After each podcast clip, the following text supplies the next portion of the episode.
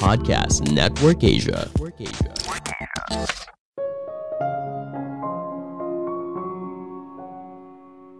Uang atau passion? Apa pun yang kamu jalani sekarang, kamu tetap punya pilihan menentukan hidupmu sendiri. Halo semuanya, nama saya Michael. Selamat datang di podcast saya, Sikutu Buku. Kali ini saya akan bahas apa yang akan kamu lakukan jika uang bukan masalah.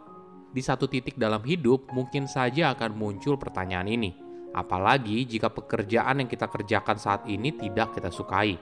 Kita melakukannya hanya karena penghasilan yang besar atau kita butuh uangnya untuk mencukupi kebutuhan sehari-hari. Tidak ada yang salah dengan hal ini. Setiap orang punya alasannya sendiri dan tidak melulu kamu harus bekerja sesuai passion. Kamu masih bisa menemukannya di luar pekerjaan. Tapi uniknya, ketika kamu mencapai besaran penghasilan tertentu, mendapatkan penghasilan lebih tidak memberikan kebahagiaan secara signifikan. Pada akhirnya, semuanya ada di tangan kamu apakah kamu memilih money atau passion. Sebelum kita mulai, buat kalian yang mau support podcast ini agar terus berkarya, caranya gampang banget. Kalian cukup klik follow. Dukungan kalian membantu banget supaya kita bisa rutin posting dan bersama-sama belajar di podcast ini.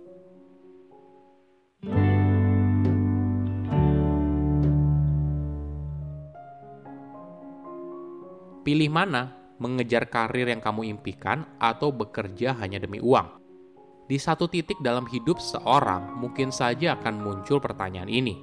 Di satu sisi, orang di sekitar, entah itu orang tua, teman, pasangan, dan sebagainya, mendorong kamu untuk jadi orang yang realistis dan mencari pekerjaan dengan gaji yang tinggi.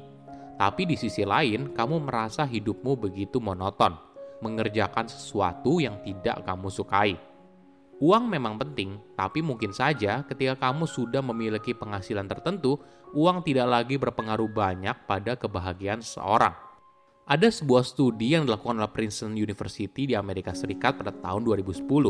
Seseorang dengan penghasilan tahunan mencapai 75 ribu dolar tidak lagi mendapatkan kebahagiaan yang signifikan ketika penghasilannya bertambah. Memang ketika dirupiahkan, angka 75 dolar itu sekitar 1 miliar rupiah dan terlihat cukup besar. Namun coba kita gunakan konteksnya Indonesia dan cari angka yang mendekati. Bagaimana bila kita menggunakan tarif pajak penghasilan lapis 4 yaitu antara 500 juta hingga 5 miliar. Seseorang dengan penghasilan sebesar itu mungkin saja tidak mengalami perubahan kebahagiaan yang signifikan ketika penghasilannya bertambah. Di zaman dulu, pemikiran kalau bekerja harus sesuai passion mungkin tidak familiar. Bekerja ya hanya untuk mencari uang, tapi di era sekarang, uang saja tidak cukup. Bekerja harus bikin kita bahagia, dan kita menganggap kalau kita bekerja sesuai passion, maka kita akan bahagia. Apakah benar? Belum tentu. Coba bayangkan skenario ini. Kamu suka sekali dengan fotografi dan menganggap kalau ini merupakan mimpi apabila kamu bisa bekerja sebagai fotografer. Namun ketika kamu akhirnya berhasil menjadi fotografer profesional, tentunya kamu bertemu dengan berbagai orang yang berbeda Sayangnya, kamu bertemu atasan yang micromanaging dan temperamen. Klien yang banyak mau, tapi sejatinya dia tidak tahu apa yang diinginkan dan sebagainya. Apakah pekerjaan sesuai passion masih menyenangkan? Perspektif inilah yang harus kita miliki. Kita harus lebih bijak dalam melihat sebuah pekerjaan. Bekerja sesuai passion tidak 100% indah. Pekerjaan tetaplah pekerjaan. Kamu mungkin saja ketemu atasan yang nyebelin, rekan kerja yang tukang nyinyir, klien yang banyak mau, dan sebagainya. Inilah realitanya.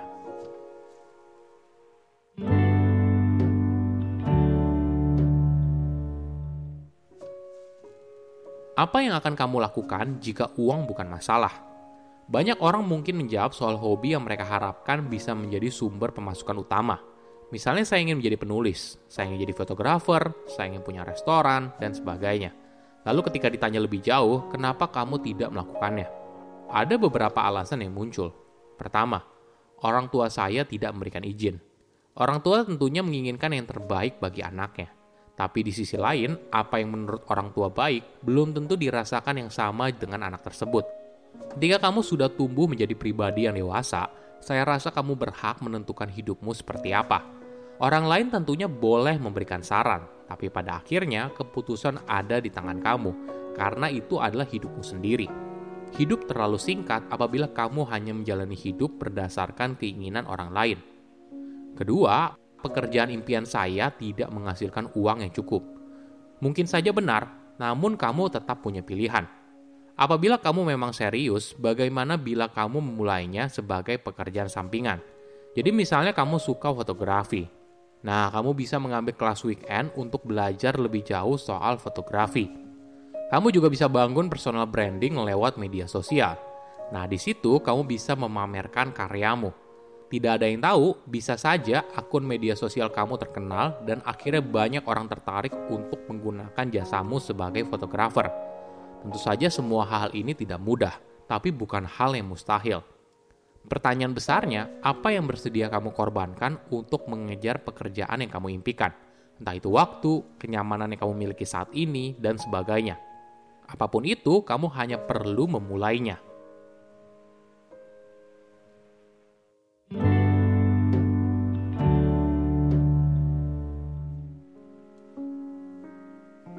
Bagaimana jika kamu tidak bisa keluar dari pekerjaan yang tidak kamu sukai sekarang? Apa yang bisa kamu lakukan? Tidak semua orang bisa dengan mudah keluar dari pekerjaan yang tidak mereka sukai. Entah itu karena mereka punya tanggungan atau ada alasan lain yang membuat mereka terpaksa masih harus bekerja di tempat itu. Apa yang bisa kamu lakukan bila berada di posisi tersebut? Pertama, belajar menerima keadaan. Kalimat ini memang mudah diucapkan, namun sulit dilakukan tapi perlu kita sadari, kejadian buruk terjadi setiap saat. Ada yang bisa kita kontrol, ada juga yang tidak. Jika kamu terus-menerus menolak menerima situasi saat ini, maka hal ini malah akan menambah penderitaan.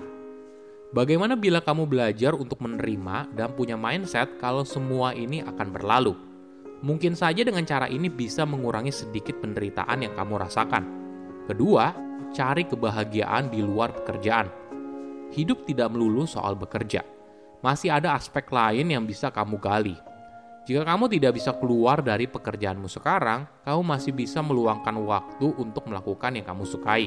Misalnya membaca buku, bermain musik, mencoba makanan di restoran yang baru buka, dan sebagainya. Apa pun kondisi yang kamu hadapi saat ini, ingatlah kalau kamu selalu punya pilihan. Kamu juga masih punya pilihan untuk bahagia, tidak peduli apa pun yang terjadi di sekitarmu. Oke, apa kesimpulannya? Pertama, uang tidak selalu buat bahagia.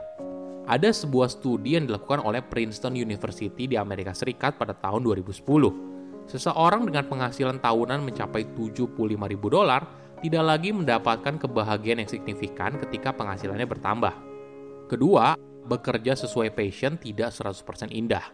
Kita harus lebih bijak dalam melihat sebuah pekerjaan. Pekerjaan tetaplah pekerjaan kamu mungkin saja ketemu atasan yang nyebelin, rekan kerja yang tukang nyinyir, klien yang banyak mau, dan sebagainya. Inilah realita kehidupan. Ketiga, kamu tetap punya pilihan. Tidak semua orang beruntung bisa bekerja sesuai passion. Ada orang yang terpaksa harus bekerja di tempat yang sekarang karena berbagai alasan. Namun, apabila kamu memang tidak bisa keluar sekarang, tidak masalah. Kamu masih bisa mencari kebahagiaan di luar pekerjaan.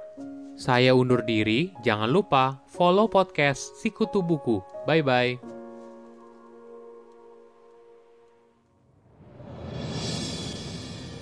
Halo, gimana episode barusan? Semoga suka ya. Abis ini mau nggak dengerin cerita seru dari Dewa Dewi Yunani?